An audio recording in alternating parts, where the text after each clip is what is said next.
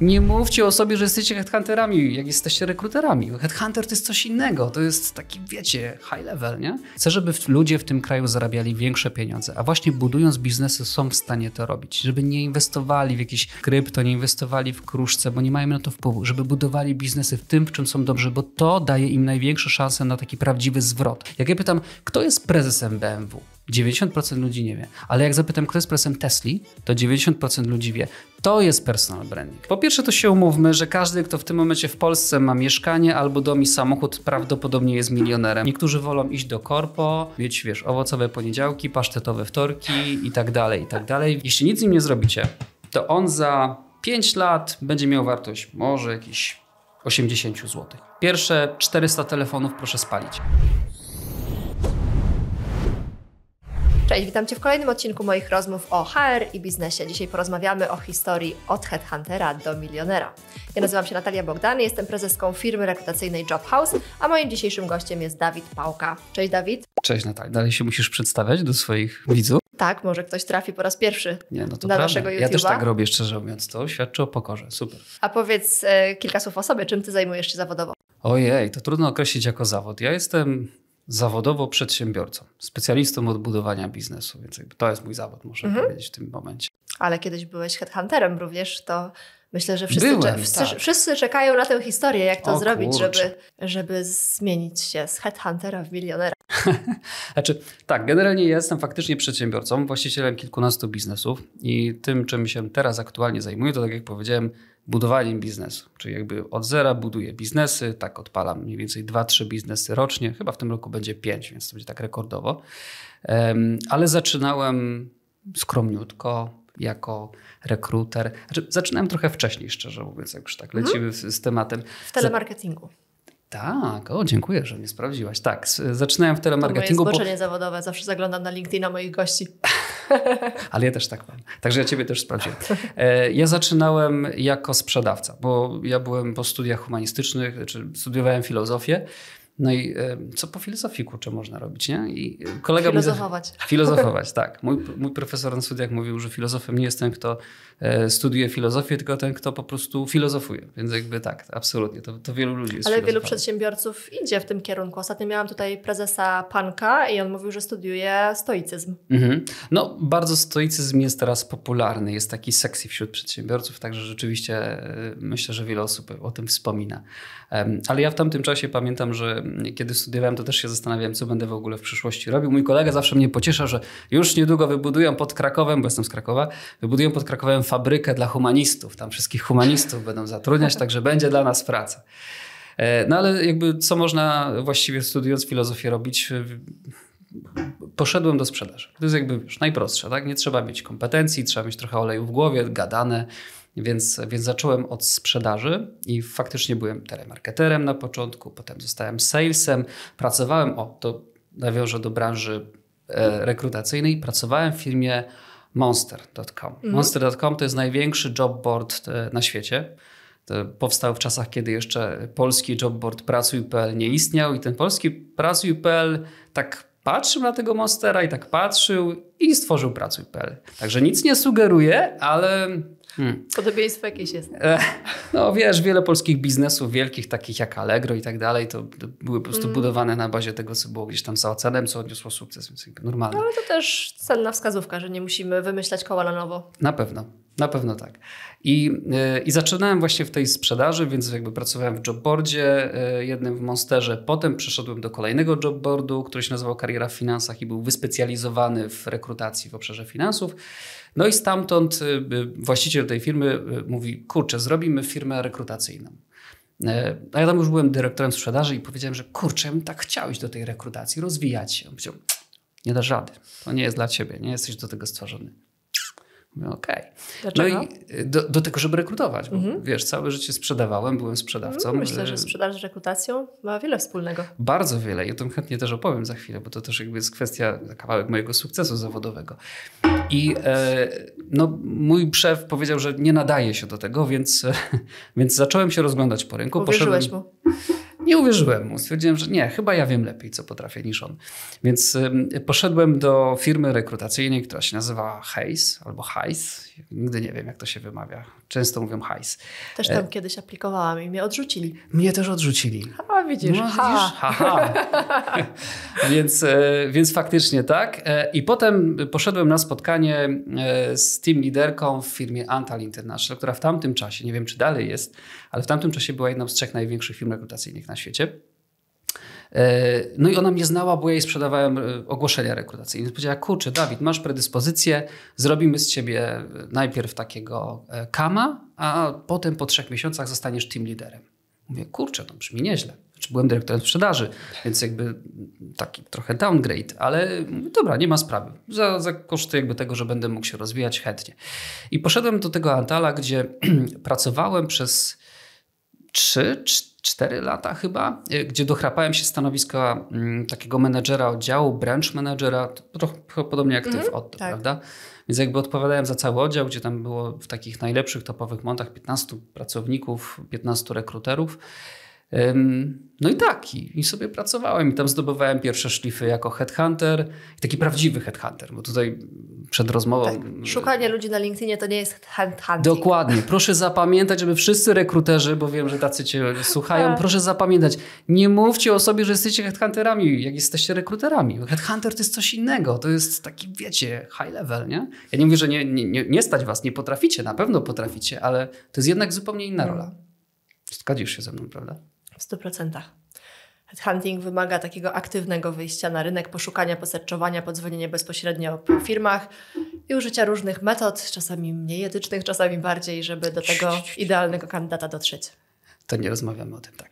Ale rzeczywiście tak. I wtedy e, tam byłem headhunterem, e, byłem takim top performerem, no miałem bardzo dobre wyniki generowałem tam no, no, kawał przychodu. Był taki czas, że generowałem potężny kawał przychodu jakby z, z moich lidów, z moich jakby rekrut, nie tyle rekrutacji, co po prostu ja pozyskiwałem klientów, mm. ich obsługiwałem, dowoziłem im od razu wynik, czyli rekrutowałem kandydatów, ale przy okazji też wpadało bardzo dużo różnego rodzaju innych projektów rekrutacyjnych, bo my byliśmy po prostu matrycowo podzieleni, więc jak coś wpadało z engineeringu, z sales i tak dalej, i tak dalej, to, to inni rekruterzy już obsługiwali te procesy, ale ja je pozyskiwałem. Mm. Więc był taki moment, że pamiętam, że, że faktycznie z 70-80% projektów u mnie w oddziale było realizowanych, pozyskanych przeze mnie i z 20% w centrali gdzie tam chyba ponad setka mhm. było przeze mnie. A jak to robiłeś, powiedz, bo bycie 360 tak zwaną mhm. i skutecznym sprzedażowcem jest bardzo trudno. Moim zdaniem, z moich obserwacji wynika, że łatwiej jest znaleźć dobrego rekrutera niż takiego, który będzie też umiał sprzedawać.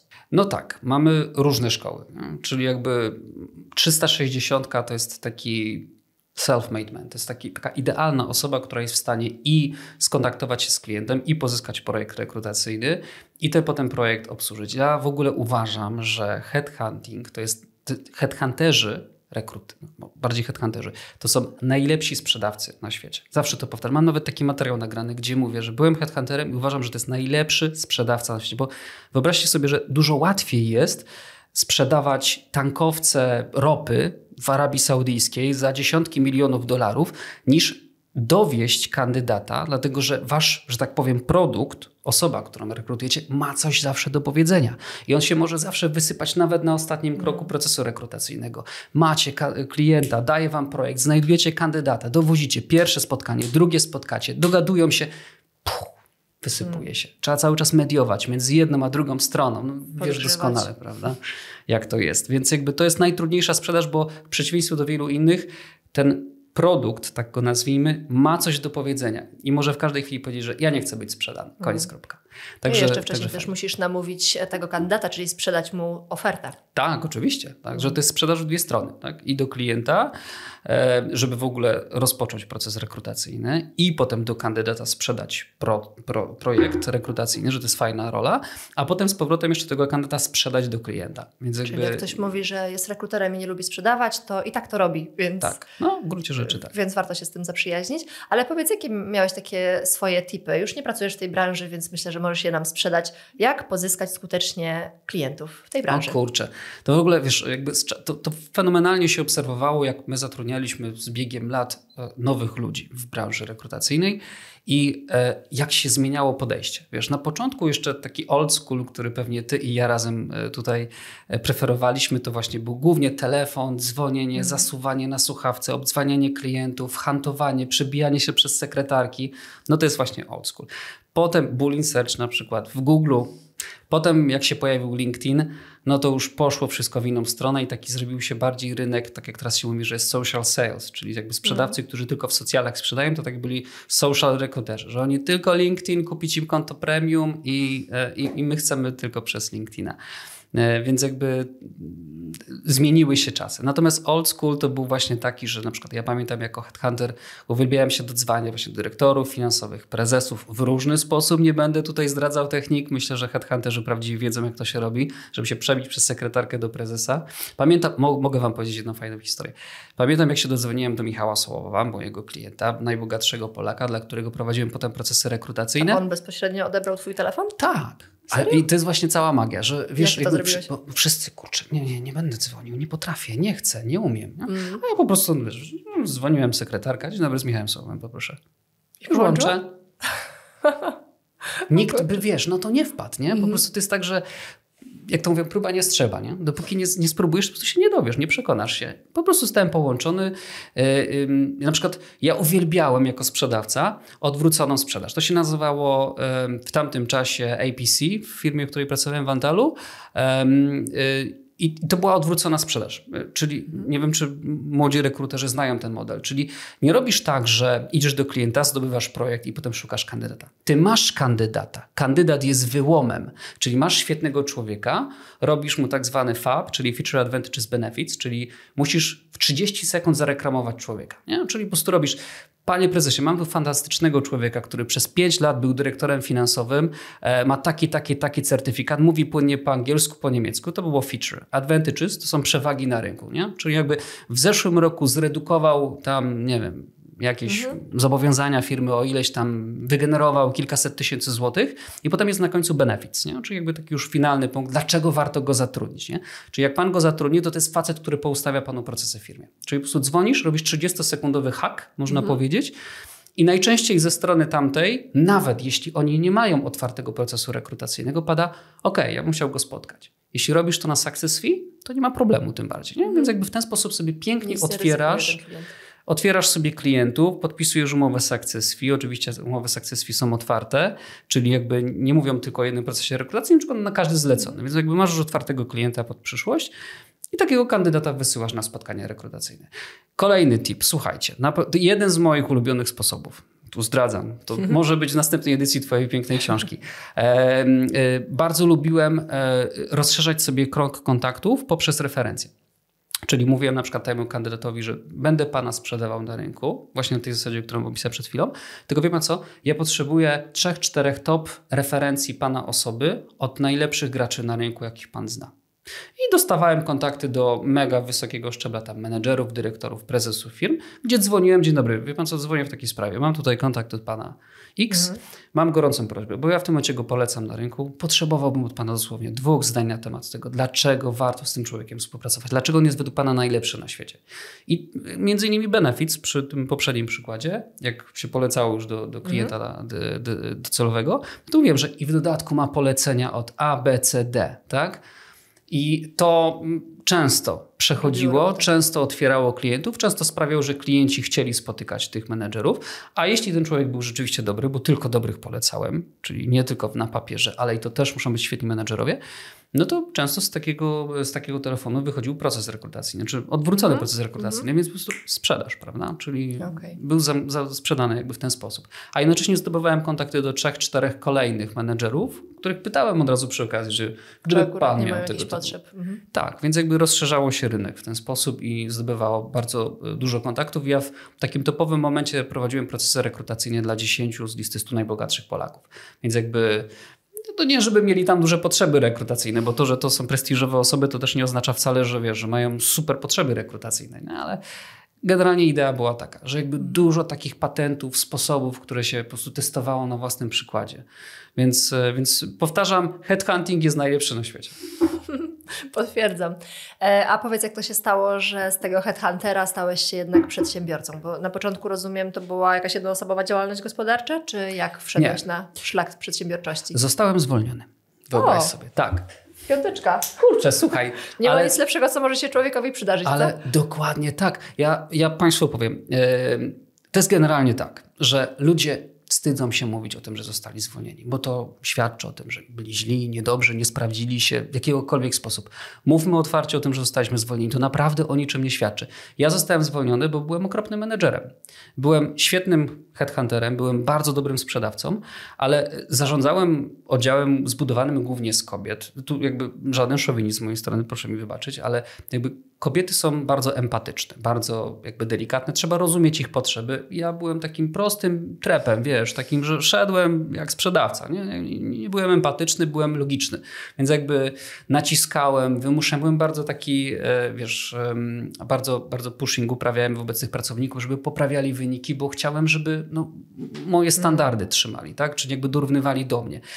No ale ludzie są różni, tak? I oczywiście ja z biegiem lat to zrozumiałem i dlatego między innymi teraz y, ja już staram się w ogóle nie zarządzać ludźmi, tylko mam HR-a, HR menedżera, który za mnie to robi, bo, bo jestem być może zbyt y, nie- niewystarczająco delikatny. W każdym razie e, zostałem zwolniony, bo byłem zbyt taki, że za bardzo naciskałem e, na te osoby. Pomimo, że miałem dobre wyniki sprzedażowe, no to to nie było wszystko. No i E, Przyjechał prezes e, Artur Skipa, pozdrawiam serdecznie. E, No i tak mówi, no to jakie tam masz wyniki, Dawid? No mówię, no takie, takie, takie, kurde, jedno z najlepszych w firmie. No tak, tak, tak. No słuchaj, jest sprawa. No i e, no, także nie, nie wyszło mu chyba to zwolnienie za specjalnie, bo chciał to tak ładnie zbudować, uargumentować. Chciał być argument jakiś lepszy. Tak, tak, ale no cóż, no, tak, tak wyszło, rozumiem go, nie mam pretensji, z perspektywy czasu oczywiście wyszło na dobre i myślę, że dla Antala i dla mnie. E, No i wiesz, jak to zwolnienie, człowiek ma dom, y, dzieci, już wtedy miałem dwójkę, dom, kredyt, dom w budowie, no i wiesz, tracisz pracę, co teraz, nie? No więc... Przeniosłem swoje najlepsze umiejętności, stworzyłem swój własny, swoją własną firmę rekrutacyjną, taki mały, butikową agencję. No bo tak jak mówiliśmy sobie tu przed, przed programem, w headhuntingu, w rekrutacji bariera wejścia jest bardzo niska. Czyli jakby bardzo łatwo jest, wiesz, to są usługi, nie? To nie jest jakby żaden software, to nie jest żadna technologia, to nie jest fabryka, zakład produkcyjny. Dzisiaj Możesz już w ogóle, bo nie musisz nawet mieć biura de facto, tylko wystarczy Tak, komputer dokładnie. i telefon. Dokładnie tak. Wystarczy ci telefon, komputer i, i możesz, wiesz, LinkedIn i, i jedziesz, nie? Więc jakby e, e, ja stworzyłem swoją agencję butikową, e, zacząłem jakby na początku sam, potem zatrudniałem ludzi, tam w jakimś topowym momencie miałem chyba z 10 pracowników i z czasem stwierdziłem, że to nie ma sensu. Co, przepraszam dla wszystkich entuzjastów rekrutacji, ale jakby e, headhunting na zasadzie success fee jest obłożone bardzo wysoką, e, bardzo wysokim ryzykiem. Bo mniej więcej procesy rekrutacyjne, które robisz na zasadzie success fee polegają na tym, że klient ci nie płaci, dlatego e, bez problemu z tobą podpisze umowę, żeby zacząć rekrutację, ale ci nie płaci. Więc zapłaci ci w momencie, kiedy dowiedziesz mu kandydata. Pracujesz przez długi czas za darmo tak naprawdę. Dokładnie. Mhm. Dwa, trzy miesiące trwa proces. Oczywiście prowadzisz tych procesów wiele naraz jednocześnie, żeby, żeby można było je tak jakby stakować i żeby finalnie mniej więcej jeden na trzy wszedł. No, wiesz, jacy są klienci. Klienci w ogóle też wykorzystują ten model, robią sobie Windows Shopping, Dokładnie. przeglądają kandydatów. Badają rynek. E, tak, badają rynek, no bo przecież głupi headhunter tutaj będzie szukał mi, prawda? Sam zaproponował, że zrobi to za darmo. No to super. E, e, no, I jakby szło nam całkiem fajnie. Jakby tam w pierwszym roku zrobiłem pierwszy milion, tak jakby dla, dla siebie. Zysku E, obrotu? był, obrót był większy. E, Zysku, zysku. No tak, znaczy w branży rekrutacyjnej, headhunterskiej największym, największym kosztem są pracownicy, faktycznie. Ale jakby my robiliśmy dosyć kaloryczne projekty ze względu na fakt, że ja tych klientów przeniosłem ze sobą. No bo tak jak zacząłem mówić, ta granica jest bardzo niska, można łatwo wejść w branżę rekrutacyjną. Głównie przynosisz kontakty, bo ludzie, tak jak wiesz, jak ludzie uwielbiają ciebie jako Natalię, która buduje swój personal branding, oni ci wierzą, patrzą na ciebie, wierzą, że ty ich nie za zawiedziesz, że mogą ci zaufać. To tak samo jest w headhuntingu, nie? czyli jakby to nie brand jakby stanowi cokolwiek, tylko ty, że ty dowozisz, że ty jesteś tą osobą, która obieca, że dowiezie i zrobisz to. Więc ludzie idą za tobą, a nie za po prostu firmą i brandem. Em, tak, i e, no, działaliśmy przez e, 3-4 lata tak bardzo mocno operacyjnie. I stwierdziłem, że to nie ma sensu, bo ryzyko jest bardzo wysokie, a już wtedy zaczęliśmy budować inne biznesy alternatywne, e, równolegle. Mm. Od czego zaczynałeś? Wiesz, ja szukałem jakby rzeczy, które są. E, zawsze szukam jakiejś synergii. Zawsze staram się znaleźć biznesy, które w jakiś ten sposób będą w stanie korzystać na bazie, która już istnieje. Więc e, zauważyłem, że jest nisza na rynku. Nisza na rynku polegała na tym, że nie ma rozwiązań, które polegają na dobrym employer brandingu. Mhm. Nie ma rozwiązań, które jakby radzą sobie z, z problemami związanymi z employer brandingiem na rynku, szczególnie digitalowym. Dlatego, że o ile jeszcze powiedzmy są takie offline'owe rozwiązania, to targi książki, a to wydrukujemy coś, a dodamy paczki pracownikom na święta. No to jest employer branding, tak? Jakby nie patrzeć. Natomiast jakby digitalowo jest bardzo słabo. Ludzie y, bardzo chętnie dzielą się swoimi opiniami pozytywnymi, negatywnymi w internecie, częściej pozytywnymi, e, częściej negatywnymi, przepraszam, już pozytywnymi. Natomiast jakby mm, nie ma jakichś takich, znaczy w ogóle internet stworzył gigantyczne możliwości. Jakby mm. To jest coś, co ja zawsze tłumaczę moim klientom, że e, mówię, panie kliencie, Internet dał nam gigantyczne możliwości. Dał nam możliwości na zasadzie takiej, że możemy, wie pan, robić marketing, robić sprzedaż przez internet, ale wygenerował też ogromne kłopoty i ogromne zagrożenia, których się nie myśli. Kiedyś dyrektor PR w firmie, to wiesz, jak były czasy prasy, czasy telewizji, mm. to wiesz, jak gdzieś tam ktoś wydrukował coś niefajnego na temat firmy, to, to, to mógł zadzwonić, powiedzieć, już więcej u was nie kupię reklamy. I albo robili, wiesz, eratę, albo, albo po prostu po jednym dniu do kosza to lądowało. Mm. W dzisiejszych czasach to, co jest w internecie, jest tam na zawsze. Mm. Na zawsze. Więc jakby dyrektorzy PR się, y, tu bardzo pozdrawiam wszystkich dyrektorów PR, moich klientów również, dyrektorzy PR się do tego nie przyznają, ale oni nie są w stanie po prostu już kontrolować materii. Nie są w stanie kontrolować tego, co jest w internecie. Nie, nie radzą sobie z tym. Więc jakby znalazłem taką niszę na rynku, że mm, jakby stworzyłem firmę, która specjalizowała się właśnie w employer brandingu, szczególnie jakby w obszarze tego czarnego employer brandingu, czyli jakby niszczenia opinii firm. I zbudowałem firmę, która w tym momencie jest największą firmą w Europie, która się specjalizuje w employer brandingu, takim digitalowym. Mhm. E, I, I, to była taka pierwsza firma, która powiedzmy od Filipa Rockwella, czyli mojej firmy rekrutacyjnej, wywiozł tam do pierwszych milionów. E, natomiast jakby ta druga firma, bo nie będę sobie, może nie będę mówił, bo nie będę robił sobie reklamy, żeby ktoś nie powiedział potem, że ja tu jestem, żeby sobie reklamę zrobić. Ta druga firma wywiozła mnie do, do powiedzmy tam takich pierwszych dziesiątek milionów. E, no i potem na podstawie tego budowaliśmy kolejne firmy, kolejne firmy, kolejne firmy. No w tym momencie mam ponad 10 biznesów, takich moich własnych, plus y, chyba z 7 startupów, które zainwestowałem, bo nadwyżki kapitałowe zacząłem inwestować po prostu w różne inne fajne rozwiązania na rynku. No i tak. I ile tych firm ci się nazbierało? Ile masz, ile masz teraz? Moich jest y, no 11, tak jak liczyłem ostatnio, bo nie liczę takich spółek technicznych, takie brandy, które rzeczywiście działają operacyjnie. Y, to są moje. Plus do tego 7 inwestycji Twoje startupowych. w 100%? Czy tak, jesteś inwestorem? Wow, i ty dawałeś pomysł i do moje. jakiego etapu je rozkręcałeś i kiedy je zostawiałeś, czy jesteś aktywny w każdej z nich? Jestem aktywny, tylko że jakby no ja jak? nie, nie, operacyjnie jakby ich nie do końca prowadzę. To znaczy mhm. to jest mhm. tak, że jakby szukałem przewag na rynku, które sprawią, że ludzie potencjalnie, talent pool, którzy przyjdą do mnie, będą wybierali moją firmę, a nie inne duże firmy, tak? Bo ja nie mam e, Infinity Loop jak w Apple, tak, biurowca, tak, czy nie mam jakby szklanych wieżowców jak, e, jak Microsoft czy Google.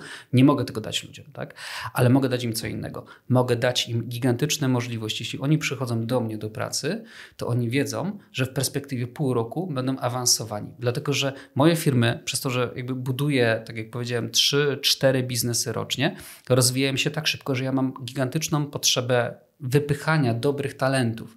Więc jak ktoś do mnie przychodzi, to to nie jest bullshit, jak często bywa, że młody, dynamiczny i tak dalej, bla, bla, bla, wiemy o co chodzi. Rozwoju. Tak, i możliwości rozwoju, tylko u mnie rzeczywiście tak jest, że jeśli ktoś się wykazuje, jeśli daje radę i jeśli to jest coś, co go kręci, bo umówmy się, że nie każdy nie tego chce. Kręci. Niektórzy wolą iść do korpo, mieć, wiesz, owocowe poniedziałki, pasztetowe wtorki i tak dalej, i tak dalej, wiemy o co chodzi i spoko, to nie jest nic złego, nic nagannego, tak? Jeśli ktoś tak sobie wyobraża swoje życie, nie ma problemu. Ja też kiedyś, jak pracowałem w korpo w Antalu, to pamiętam, że wracałem po pracy o 17, waliłem się na kanapę, włączałem sobie kanał tam Comedy Central, jeszcze wtedy nie było Netflixa nawet. Włączałem sobie Comedy Central i mówiłem do żony, Boże, jaki jestem styrany, nie dam rady, już w ogóle nic. A potem się pojawiło dziecko, drugie, trzecie i się okazało, że człowiek że ma takie... jeszcze gorzej. Tak, że po prostu nie, takie pokłady energii, że sobie myślę, że jakby mógł cofnąć się w czasie i podejść do tego chłopaka, takie, takiego liścia mu sprzedał, wstawaj, co ty robisz człowieku? Więc jakby... No, mnie tak nie. samo. Ja się często zastanawiam, e, co ja robiłam, jak nie miałam dzieci. Co jak nie? ja spędzałam czas w ogóle. No, y, więc, więc y, tak, tak się stało, że rzeczywiście tymi firmami jakby bezpośrednio ja sam z siebie nie zarządzam, za to bardzo szybko biorę ludzi utalentowanych, sprytnych, mądrych, inteligentnych, bystrych i szczerze, nie ma dużo takich ludzi na rynku, przepraszam, ale naprawdę, naprawdę ludzie mm, jakby idą w stronę, znaczy my tak jesteśmy tworzeni, tak jesteśmy generowani w tym momencie, że jakby życie ma być coraz prostsze, a nie coraz trudniejsze i dlatego też ludzkie ambicje spadają. A ja szukam właśnie tych takich wyjątkowych ludzi. I a jak e, ich identyfikujesz? E, no nie da się ich zidentyfikować przez rozmowę rekrutacyjną. Tak, wiesz doskonale, że jakby cała magia rekrutacyjna opiera się na pewnej magii. I jakby ja, ja to magię wierzę, żeby było jasne. Czyli, że my jesteśmy w stanie przez proces rekrutacyjny wybrać najlepszych, żeby no, nie było jakichś tam strat i tak dalej, no bo nieutrafiona rekrutacja to jest kilkadziesiąt tysięcy mm. złotych nawet, prawda? I jakby wierzę w to, ale wiem też doskonale, że często i trafione rekrutacje się wiesz, kończą Możemy tym, zminimalizować że... ryzyko, ale nikt nie powie tak. na 100%, że ta osoba będzie na pewno idealna. Dokładnie, więc jakby mm. najlepsze rozwiązanie to jest zawsze rozwiązanie na zasadzie w polu, nie? czyli po prostu wrzucam tych ludzi, szczerze mówiąc, na głęboką wodę, Czyli jakby daje im trudne zadania, daje im dużo tasków, daje im przeróżne rzeczy. Jeśli sobie radzą, jeśli ogarniają, no to dla mnie to jest ten talent pool, z którego można wyciągać ludzi, którzy potem dając im oczywiście dodatkowo jakąś wiedzę, umiejętności, wytłumaczenie, jak pewne rzeczy działają, bo dla mnie jest niesamowicie ważne, żeby ludziom tłumaczyć, jak coś działa. Nie co mają zrobić, tylko dlaczego, z mhm. czego to wynika, żeby to była logika. Nie? E, I, no i wtedy po prostu ich wypycham jak najszybciej na stanowiska jakieś tam liderskie, menedżerskie, Czyli także nawet od takich pracowników szeregowych mhm. i dajesz kogoś takiego na CEO jakiegoś twojego startupu?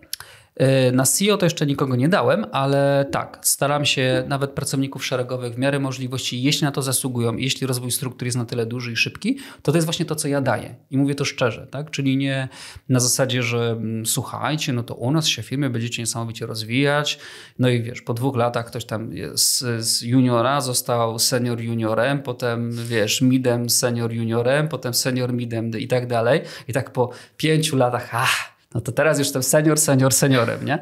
Więc y, no to są korporacje, nie? To, to jest taki fake trochę rozwój, wiadomo. E, natomiast jakby nie, u nas rzeczywiście ci ludzie mają bardzo dużo mm, możliwości. Ja też daję bardzo dużo wolności tym ludziom, żeby się mogli rozwijać, żeby, żeby dawali, żeby pokazywali, co potrafią po prostu. Mm. I że mogą wziąć odpowiedzialność w swoje ręce. Tak, absolutnie. absolutnie Popełniać tak. błędy. I uczyć się Każdy może popełniać błędy. Ja też zawsze, na przykład, jak zatrudniam handlowców, zawsze mówię: Słuchaj, stary, pierwsze 400 telefonów proszę spalić. Ale jak to? No tak to, bierz telefon i zasuwaj. Pierwsze 400 telefonów ma być nieudanych. Serio? Serio. Masz zrobić, żeby to były nieudane telefony. Ale ja mogę zrobić, żeby były udane? Nie. Masz zrobić, żeby były nieudane. Serio? Tak, chodzi o to, żeby ci ludzie się przyzwyczaili, że nawet pomyłki nie są nic straszne, nie są niczym strasznym. Nie? Jakby klienci też mają wiesz doskonale. Klienci mają tak, że pamiętają trzy miesiące takiego kogoś, kto dzwoni i potem już po tygodniu można zadzwonić i, zmienić troszeczkę ton i prawdopodobnie nie będą pamiętać, kim jesteś. Także spokojnie. Nie? Ja zawsze uważam, że te pomyłki nie dość, że e, są nieuniknione, to jeszcze są potrzebne. Nie? Mhm. A powiedz, te wszystkie biznesy, które teraz masz, nadal są wokół HR-u, czy jednak już w inne niszę wszedłeś? Zacząłem tworzyć strukturę, to znaczy ja wiedziałem, że będę tworzył holding i będę, wiedziałem, że będę robił, potrzebował rozwiązań wewnętrznych, które będą mi potrzebne do tego, żeby skalować inne biznesy. Więc zacząłem na przykład tworzyć mam firmę, która się zajmuje business intelligence, czyli pozyskuje na zasadzie data scrappingu, pozyskuje dane z internetu, które są potrzebne na rozwój naszych spółek, ale również jesteśmy w stanie je sprzedawać klientom. Mam spółkę, która robi e, lead generation, czyli jakby wiesz, jest w stanie jakby pozyskiwać, generować lidy dla moich wewnętrznych brandów i też dla klientów. Mhm. Więc jakby i sprzedaje te usługi. Znaczy sprzedawała na początku, teraz w ogóle ją wyłączyliśmy. Nawet nie sprzedajemy, nie komercjalizujemy jej, bo nie potrzebujemy pieniędzy jakby ze sprzedaży tych usług. Ona działa tylko na potrzeby naszych klientów, okay. E, czy, przepraszam, tylko na potrzeby naszych spółek. Więc jakby y, zacząłem tworzyć jakby takie firmy, które potem no, pomagały moim innym firmom rosnąć, czyli jakby tak wewnętrznie, nie budowałem okay. te struktury. Ale też się komercjalizowały i sprzedawały na zewnątrz. Okej. A robiłeś to po to, żeby być niezależnym od innych usługodawców? Czy z jakiegoś innego powodu taki klucz dobrałeś?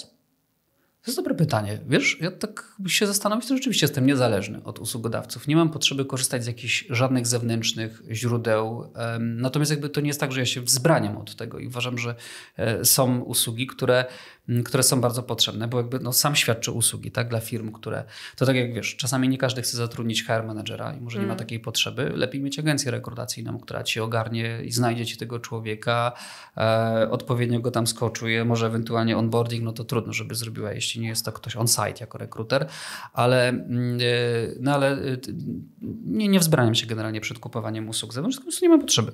Okej. Okay. A oprócz zakładania tych swoich firm, to inwestujesz też w cudze. Dobrze tak. rozumiem? Tak Bo jest. dzisiaj spotkaliśmy się tutaj z Różą Szafranek i znacie się chyba z tego świata VC, prawda? Tak, tak. Przecinamy się tam czasami na różnego rodzaju eventów. Ona jako founder startupu, ja jako inwestor startupy. Także tak, zdarza nam się spotykać. A tu według jakiego klucza dobierasz sobie firmy, w które inwestujesz? Myślę, że takiego mojego wewnętrznego. Znaczy, dobra, Gut to też. Ach, trochę tak. Trochę tak, bo jakby w inwestycji w startupy często nie chodzi o startup, często chodzi o foundera, często chodzi o tą osobę, mhm. tak? Czyli wiesz, ja znam inne firmy rekrutacyjne, ale znam też ciebie. I wiesz, jeśli znam ciebie i wiem, że ty jesteś osobą, która dowozi, to być może Jobhouse nie jest czymś wyjątkowym na rynku, ale wiem, że ty jesteś wyjątkowa na rynku i wiem, że ty dowieziesz. Szczerze jakby... mówiąc, bo miałam trochę propozycji kupienia Jobhouse'u i większość tych firm mówiła, że chce kupić mnie, a nie Jobhouse tak naprawdę. Tak, to się nazywa tak pięknie acquire po angielsku, czyli mm.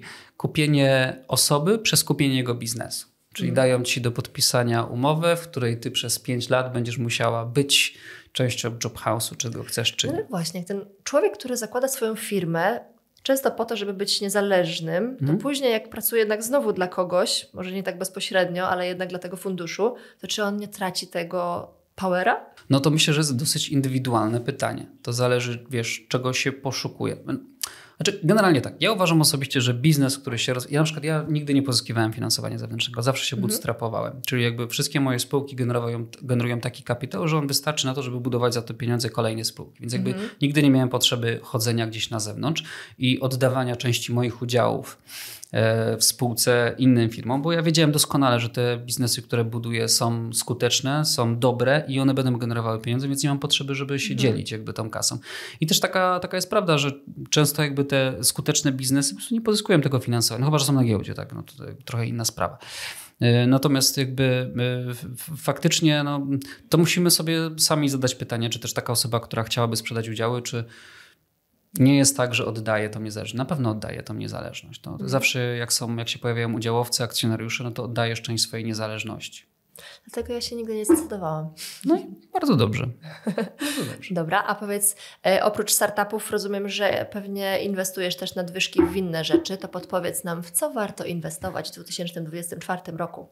No właśnie, no właśnie kurczę. Złoto, waluty, nieruchomości, co tutaj nam podpowiesz? Ale to są takie klasyki oklepane, mm. wiesz? Jakby generalnie... Ja właśnie nigdy nie poruszam takich tematów u, u nas, ale nie miałam może do tej pory z kim o tym Dobra, rozmawiać. to target, twoim targetem są ludzie, którzy mm, zajmują się rekrutacją, więc jakby... No, HR i biznes też. Okej, okay. no to każdy z nas ma jakieś oszczędności. Mm -hmm. Słuchajcie, inwestować można we wszystko. Ja nie będę polecał, polecał niczego, bo sam szczerze nie inwestuję w nic.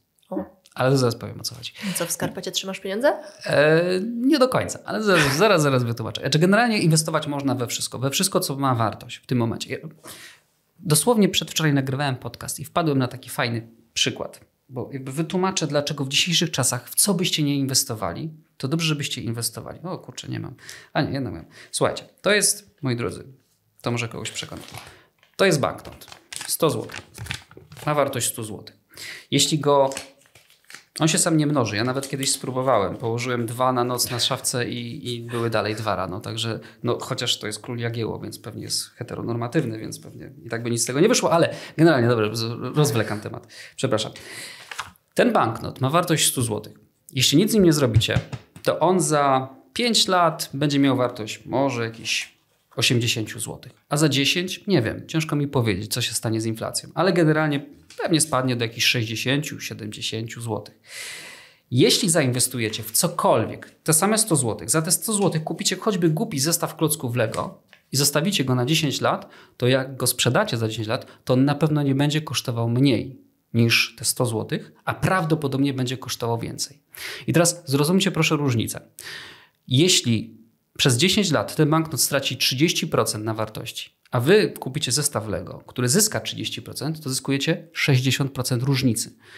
W cokolwiek byście nie zainwestowali dzisiaj. Bo można inwestować w klocki Lego, można inwestować kurczę w beczki wina, można Ale w dodam, obrazy. że ten klocki Lego to nie jest żart, bo Nie, ja nie. jakiś czas temu przypomniałam sobie z dzieciństwa, trochę moje dzieci tak sprawiają, że jakaś jestem sentymentalna bardziej, że przypomniałam sobie zestaw Lego, który dostałam na gwiazdkę kiedyś, to był y, Lego Zamek i wymarzyłam sobie, żeby go dostać. I wiecie, że takie Lego sprzed iluś tam lat z mojego dzieciństwa kosztują teraz ponad 2000 zł e, i też bardzo trudno znaleźć takie, które mają idealne opakowanie, mają wszystkie ludziki, wszystkie elementy. Więc no, to, to nie jest taki przykład y, żartobliwy, tylko naprawdę w Lego można nie, inwestować. Nie, ja zostałem kiedyś poproszony przez Forbesa o wypowiedź na temat, w co bym zainwestował 10, 50 i 100 tysięcy Mhm. złotych i powiedziałem, że za 10 tysięcy to bym kupił pełno klocków Lego, bo to rzeczywiście bardzo duży drugi rynek e, i można inwestować w klocki Lego, to nie żart. Natomiast jakby co chciałem powiedzieć, jakby inwestujcie w cokolwiek. Cokolwiek inwestujcie, byleby po prostu nie trzymać pieniędzy w gotówce, bo one same z siebie tracą na wartości. Jeśli kupicie coś, co trzyma wartość, to ta rzecz prawdopodobnie będzie za 10 lat warta więcej niż kosztuje teraz. Szczególnie jeśli to są rzeczy unikatowe. Dzieła sztuki, zegarki. No, ku, ludzie kupują teraz, szczególnie faceci lubią kupować zegarki, bo zegarki nie tracą na wartości. Jakby, jakby wiesz, jeszcze, nie wiem, kurczę, gdyby ktoś wymyślił, że klocki Lego pojawi się nagle jakaś konkurencja do Lego na rynku, która zacznie produkować więcej, za 10 lat wyścignie Lego, to ten zestaw rzeczywiście może stracić na wartości. Tak? Ale zegarki nie stracą, bo to jest mistrzostwo e, takiej manufaktury ręcznej, to nie straci na wartości. Więc jakby można inwestować w wiele rzeczy. I ja nikomu nie doradzam, w co inwestować, bo nie jestem doradcą i jakby tak jak zawsze powtarzam, ja nie przychodzę tutaj, żeby cokolwiek sprzedać, tylko żeby po prostu opowiedzieć jakby jak budować biznesy i to jest to, w co ja bym inwestował osobiście. Dlatego, że nie mogę mówić ludziom, w co powinni inwestować, mogę powiedzieć, w co ja inwestuję. A inwestuję tylko w jedną rzecz. Nie inwestuję w nieruchomości, nie inwestuję w siebie, nie inwestuję w krypto, złoto, ani nic takiego. Ja buduję biznesy. Dlatego, że nic nie daje takiego zwrotu, jak zbudowanie biznesu. Ja y, jestem w stanie budować biznesy, które w perspektywie powiedzmy dwóch, trzech lat za zainwestowane pieniądze zwracają mi kilka tysięcy procent. Nie ma żadnej inwestycji na rynku, która, no chyba, że wiesz, krypto skakały po takie wartości, ale to, to, jest, to jest strzelanie w ciemno. Biznes jesteś w stanie kontrolować. Biznes możesz wiesz, zredukować koszta, możesz zadzwonić po klientach, objeździć całą Polskę. Masz wpływ. Jak ja kupię mieszkanie, to dla wszystkich fanów mieszkań, bo to jest dla mnie niepojęte, że w Polsce głównie ludzie inwestują w mieszkaniach, bo nie rozumieją, na czym polegają inwestycje. Ja nie jestem tutaj po to, żeby was uczyć, tak? ale jakby generalnie.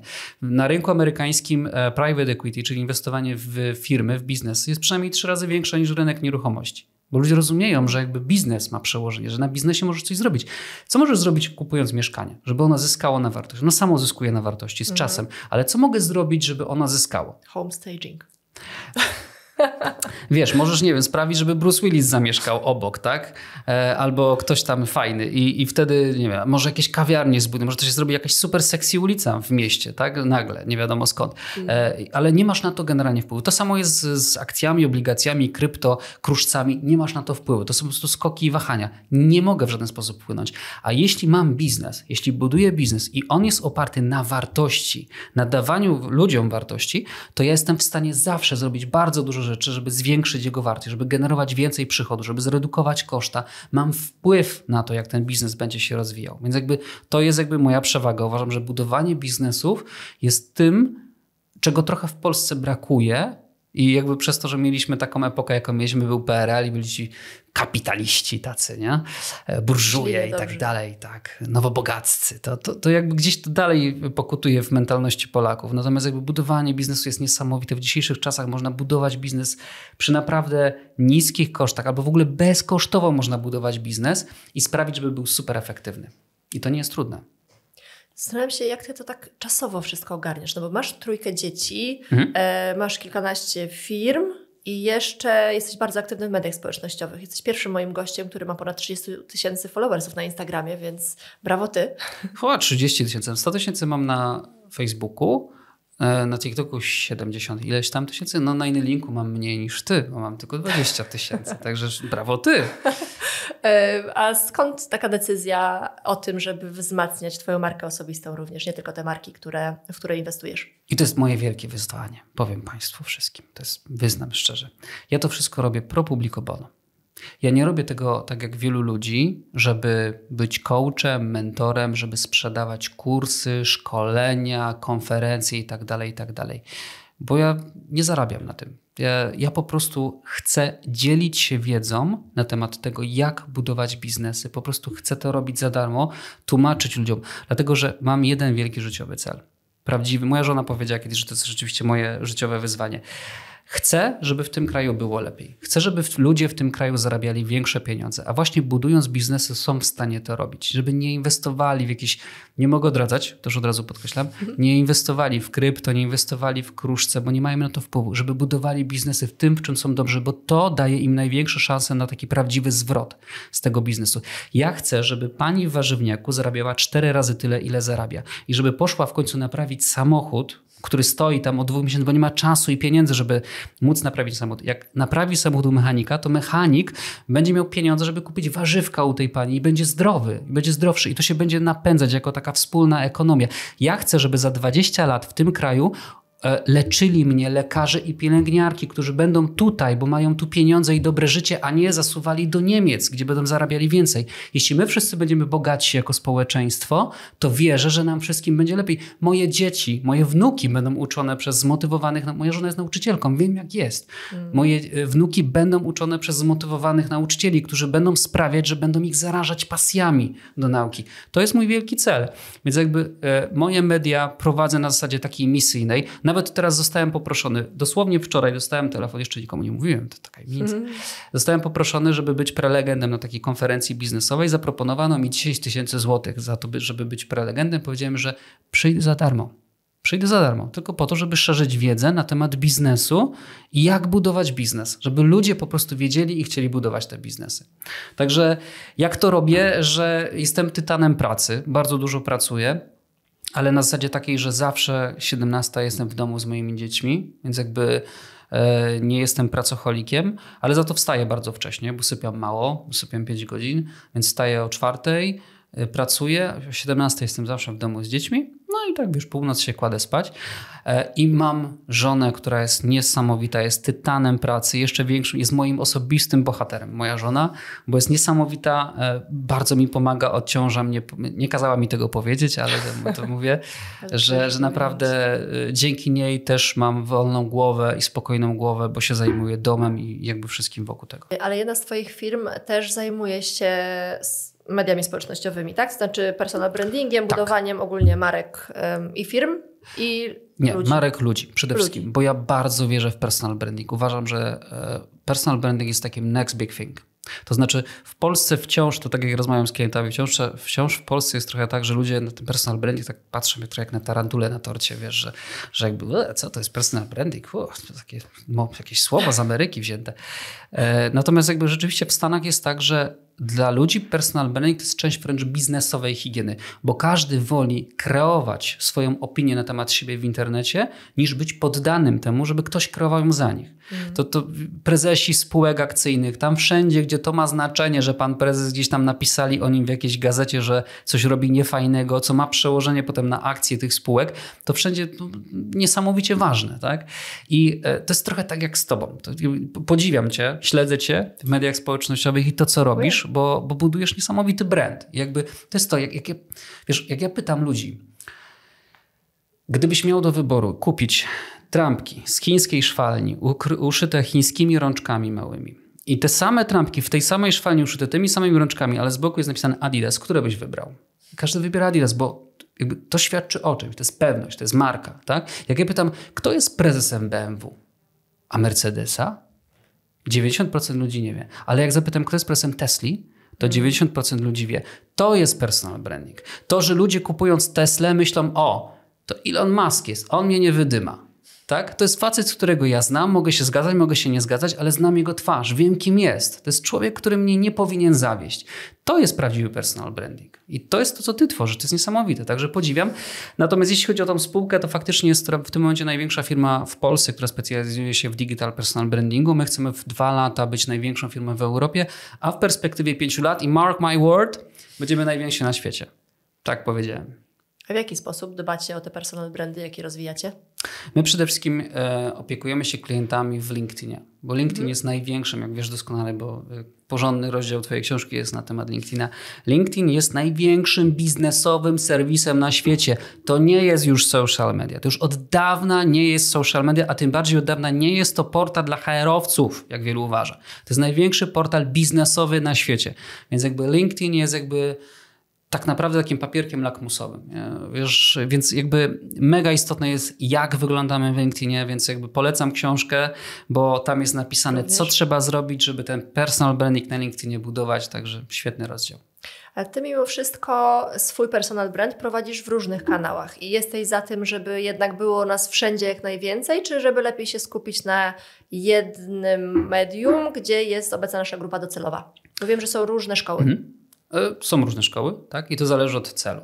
Jeśli ja bym chciał komercjalizować siebie, jeśli hmm. ja bym chciał być coachem, mentorem, podkreślam cały czas, że nie jestem i nie chcę być, coachem, mentorem, człowiekiem, który będzie sprzedawał kursy, szkolenia, konferencje itd., tak itd., tak no to y, wiesz, y, przede wszystkim chciałbym trafiać do ludzi, którzy są odpowiednią grupą targetową pod kątem tych szkoleń, kursów, które ja chcę zrobić. Więc jeśli bym mówił o budowaniu biznesu, no to pewnie LinkedIn byłby dla mnie dobry, mm. może ewentualnie jakieś tam części Facebook i tak dalej, i tak dalej. Natomiast ja nie mam żadnego celu w tym. Ja po prostu chcę szerzyć jak najszerzej wiedzę na temat e, budowania biznesu, więc ja jestem taki omni-channel, jestem wszędzie, gdzie mogę być, staram się być jak najszerzej. No i tyle. Nie musiałam też Cię długo namawiać, żebyś wystąpił u mnie, hmm? a jest to wyzwanie z perspektywy prowadzącej, żeby jednak przekonać tych prezesów albo HR-owców, żeby poświęcili ten czas i przyjechali. Dlaczego warto występować w podcastach takich jak ten? Słuchajcie. Dlaczego warto? Hmm, znaczy, wiesz, ja mam swój cel osobisty, czyli to, to co jakby cały mm. czas podkreślam, tak? Czyli chciałbym dotrzeć do jak największej liczby ludzi, żeby, żeby im pomóc, najnormalniej w świecie mówiąc. Natomiast jakby rozumiem te obiekcje ludzi, bo też jakby rozmawiamy tutaj z różnymi operatorami kamery, na przykład tym, który tutaj stoi za kamerą, Filip, więc jakby wiemy, że, że też jest tak, że prezesi, e, HR-owcy, no trochę boją się tej kamery, wiesz, jakby e, nie czują się komfortowo mieć taki flow, mówić po prostu o tym, bo mhm. jakby kamera potrafi, wiesz, jakby zawstydzać ludzi, tak? Podobno dodaje tak. 5 kilo, więc ja nie wiem, ile mam na sobie kamer w tym momencie. Tego się na ciemno. Tak. Także jakby rozumiem, że ludzie, ludzie mogą się wstydzić, ale trzeba mówić o tym, trzeba się dzielić swoją wiedzą, trzeba się dzielić swoimi kompetencjami. E, to jest tak, jak ja mówię, że jestem milionerem, tak? I ludzie mówią, kurczę, nie, mówić tak, jak to tak, nie wolno tak mówić, to jak arogancki jest w ogóle, wiesz, próżny, co za facet, nie? Kurczę, po pierwsze to się umówmy, że każdy, kto w tym momencie w Polsce ma mieszkanie albo dom i samochód, prawdopodobnie jest milionerem, bo te rzeczy mają taką wartość, więc jest bardzo dużo milionerów, ale takich złotówkowych milionerów, ludzi, którzy rzeczywiście mają te pieniądze gdzieś tam zdeponowane, mają taki milion e, do użycia, jest, jest też mnóstwo. Jest też mnóstwo, mijacie ich każdego dnia. Każdego dnia na ulicy mijacie milionerów i oni się nie wyróżniają, bo wiesz, pokutuje takie przekonanie, że ach, milioner to jest taki, wiesz, co jeździ Lambo i on się nie pokazuje, on tylko wrzuca na Instagrama zdjęcia z, z plaż gorących i tak dalej, i tak dalej, z jachtów i to jest, to jest milioner, to jest milioner. Nie, milionerów to są normalni ludzie. Ja znam wielu milionerów, właścicieli, prezesów ogromnych firm. Ty też przecież z takimi y, robisz podcasty, więc jakby wiesz, że to są normalni ludzie, których można minąć każdego dnia na ulicy. E, więc e, to nie jest, myślę, że nic niezwykłego. E, zastanawiam się, czy to jest kwestia lęku przed kamerą, czy bardziej tego, że nie widzą wartości w personal brandingu, żeby opowiadać właśnie tym, dzielić się wiedzą, opowiadać o sobie, gdzieś tam się pokazywać bardziej właśnie jako ten personal brand, mhm. niż tylko właśnie jako firma. Wiesz, ja myślę, że w Polsce też dopiero tworzy się ta cała kultura podcastowa i tak dalej, żeby, że ludzie jakby chętniej dzielą się swoją wiedzą.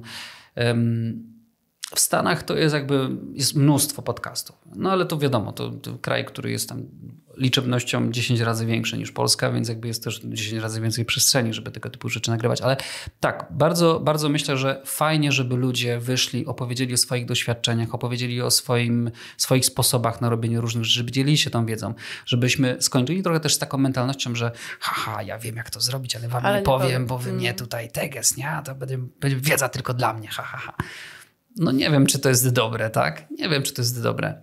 E, ja bym chciał, żeby w każdym razie jakiś lekarz medycyny kiedyś nie przyszedł i nie powiedział, haha, ja wiem, jak wyleczyć chorobę twoją, ale ci nie powiem, haha, ha, bo ja tylko to wiem. Tylko żeby szerzył tą wiedzę, żeby wielu lekarzy na świecie się nauczyło, jak leczyć tą chorobę i no żeby tak to działało, a nie żeby każdy chował wiedzę i wiesz, nie, nie, nie dzielił się nią. A powiedz, pomagasz właśnie w ten sposób, że dzielisz się wiedzą w social media, czy też można do siebie się umówić na jakieś konsultacje, nie wiem, zapytać Cię o coś? Jeżeli tak, to gdzie Cię najlepiej szukać? To znaczy, dzielę się wiedzą w social media cały czas, natomiast to nie jest ustrukturyzowana wiedza. Czyli jakby ja przez to, że przede wszystkim jestem aktywny zawodowo, wiesz, prowadzę swoje firmy i to głównie zajmuje mi e, czas, a przynajmniej powinno, to e, nie robię tego tak, jak robią trenerzy, coachowie, którzy mają kursy, bo oni, wiesz, to mają ustrukturyzowane, tak? Mm. Czyli sobie to zrobią, tak, tak, tak i potem to sprzedają. Więc jakby oni tą wiedzę mają już poporcjowaną, przygotowaną i gotowaną do sprzedaży. Ja natomiast po prostu dzielę się takimi tipami, wrzucam jakby co się dzieje u mnie, e, jak robić pewne rzeczy, jak ja robię pewne rzeczy, jak należałoby robić pewne rzeczy e, i to jest taka bardzo wyrywkowa wiedza i jakby Wiem też e, z tego, jakie dostaję komentarze, że część ludzi mówi, że to jest wow, że to jest niesamowite, a część ludzi mówi, że pff, nie widzi w tym żadnej wartości. I spoko, bo to jest trochę tak, że wiesz, możesz przeczytać jedną książkę i jak jesteś na pewnym etapie życia, to wiesz, odkryjesz w niej pewien sens, pewne rzeczy, które do ciebie docierają, a jak przeczytasz ją za 10 lat, to odkryjesz zupełnie inne rzeczy. I ludzie są też na różnych etapach, na różnych poziomach.